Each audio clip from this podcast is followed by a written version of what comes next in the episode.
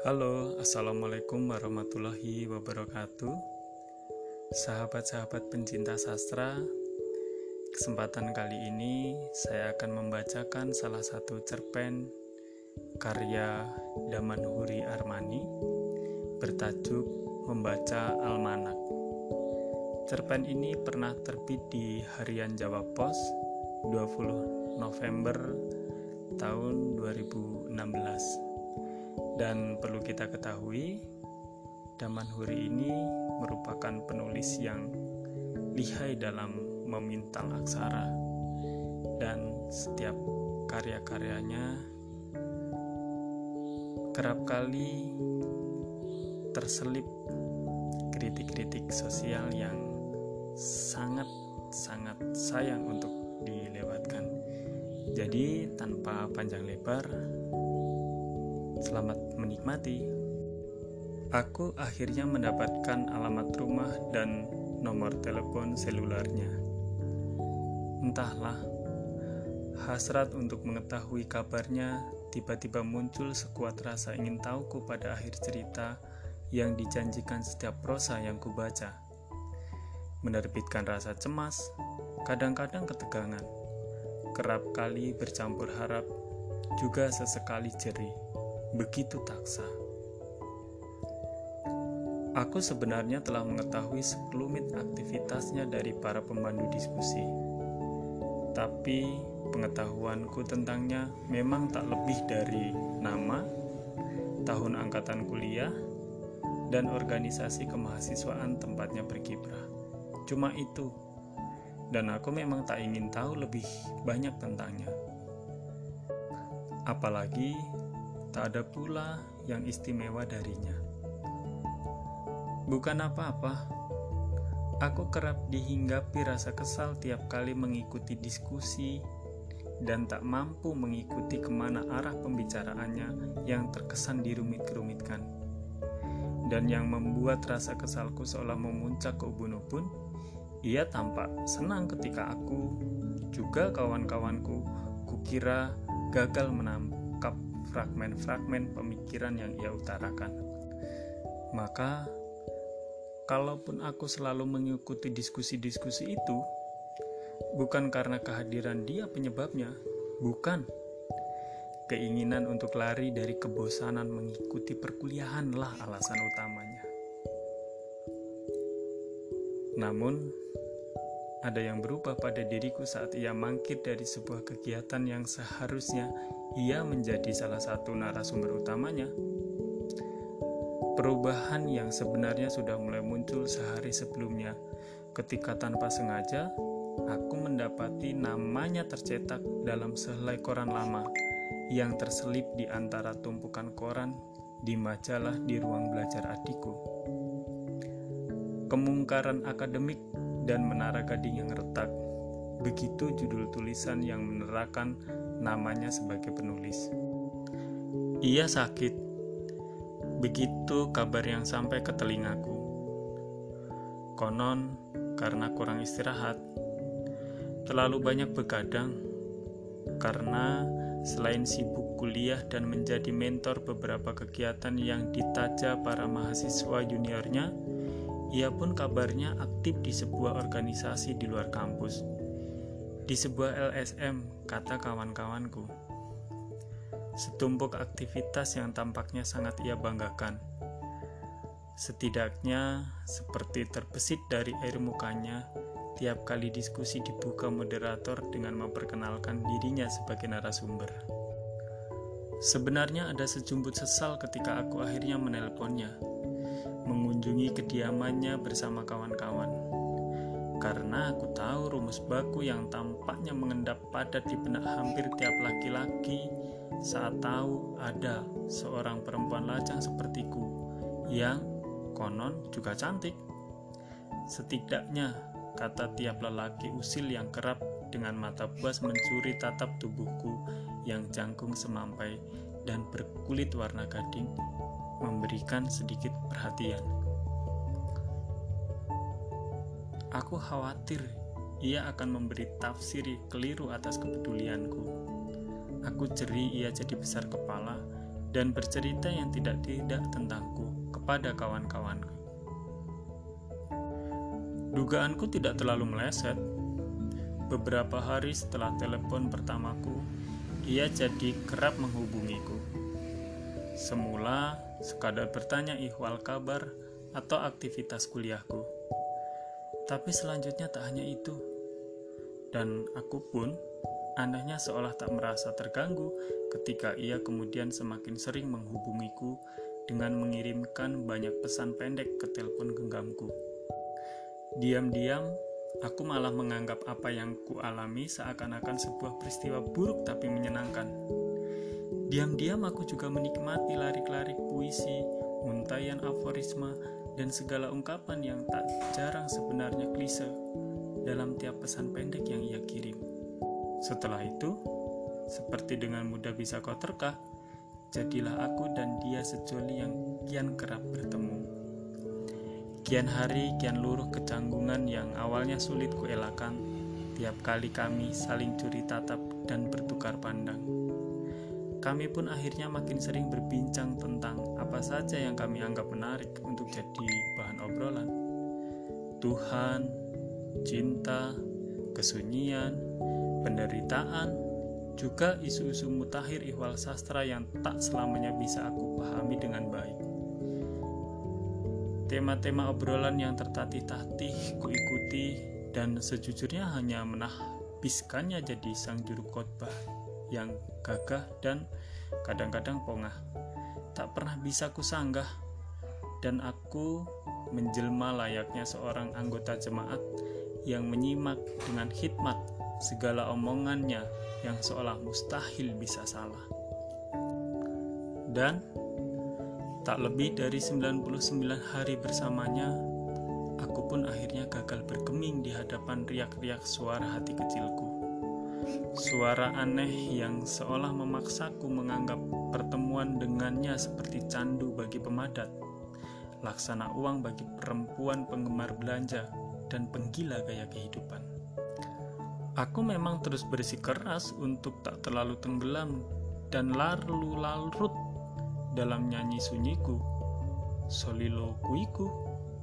Apalagi dari sejumlah percakapan yang sudah tak bisa kuhitung lagi karena begitu kerapnya, rasanya tak pernah tampak obsesinya untuk menganggapku lebih dari seorang kawan, seorang sahabat, mitra diskusi, kata dia.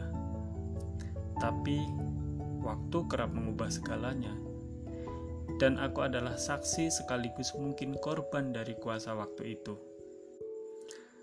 Terlalu banyak peristiwa yang selalu lolos untuk tak catat. Terlalu kerap aku gagal mengelak dari belitan aura magis peristiwa-peristiwa itu.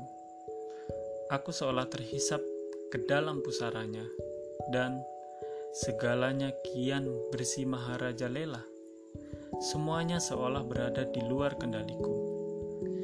Meskipun aku tetap menyimpannya rapat-rapat dan tak pernah sudi ia mengetahuinya. Semakin lama, aku merasa semakin rapuh untuk sekadar jadi juru kendali atas diriku. Tubuhku terasa terlalu ringkih untuk sekadar jadi penyangga gemuruh isi dadaku untuk kemudian bisa jujur kepada diriku dan kepadanya kerapuhan yang sebenarnya tak terlalu kusesali karena sejak awal suara-suara misterius itu muncul dalam palung jiwaku dan kemudian seakan terus-menerus beranak pinak, membelah diri seperti amuba di hampir tiap helapan napas lirihku. Aku begitu yakin ia pun sebenarnya menyelipkan kejujuran yang sama ke salah satu sudut dirinya. Kini Delapan kali almanak meja telah berganti rupa, dan aku masih terus bertahan menghabiskan senja seorang diri. Delapan kali markah waktu itu berganti warna setelah entah dari mana kali itu ia memungut nyali yang sekian lama tak dimilikinya. Di hari ulang tahunku yang ke-20, ia menghadiahiku novel di tepi sungai Pedra, aku duduk dan terseduh. Paulo Coelho dengan secarik sisipan kertas ungu bertuliskan kutipan kuplet-kuplet sajak. Aku ingin karya Sapardi Djoko Damono. Ya, delapan kali ku ganti kalender sementara kini aku hanya bisa melihatnya sebagai kaki langit yang terus menjauh tiap kali aku berupaya menghampirinya, berikhtiar kembali merengkuhnya dalam-dalam.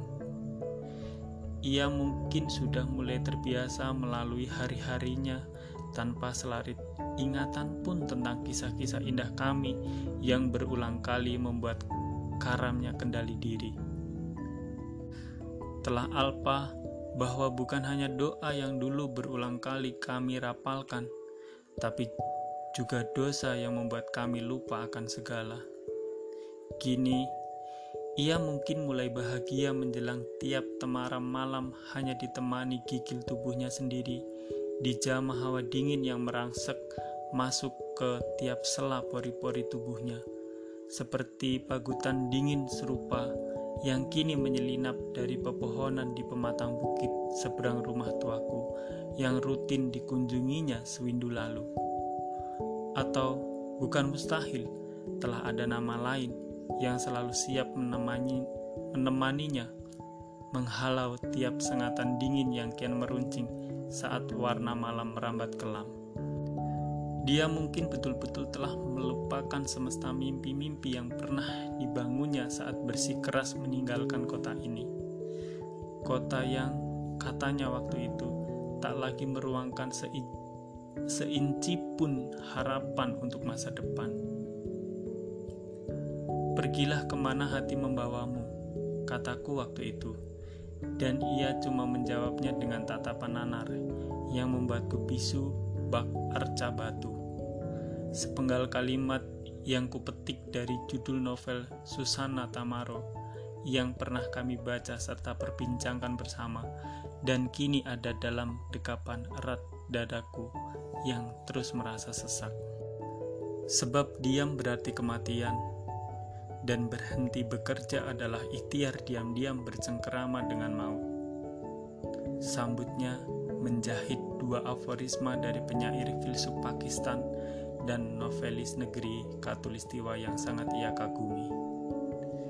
Hanya dengan kesabaran membara kita akan menaklukkan kota agung yang akan memberi cahaya, keadilan, dan martabat bagi segenap umat manusia katanya dalam sebuah SMS yang dikirimnya di sebuah tengah malam. Sebuah kutipan bait puisi rimbaud yang belakangan berkat novel Postino Antonio Scarmeta yang agak terlambat aku baca. Ku ketahui dicurinya dari naskah pidato Pablo Neruda saat menerima hadiah Nobel Sastra. Biarlah aku mengisi hari-hariku di sini, dan kau boleh menggeledah setiap sudut kota yang kau tuju sesukamu hingga suatu saat kau sampai pada ujung waktu untuk kembali. Pulang ke rumah kita, kembali ke rumah tempat istirahat, dan bersekutunya duniaku dan duniamu, surgamu dan surgaku, kataku.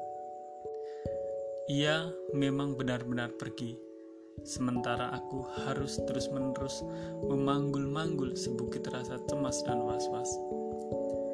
Sekarang adalah purnama ke-99 ketika jarak menyekat kami.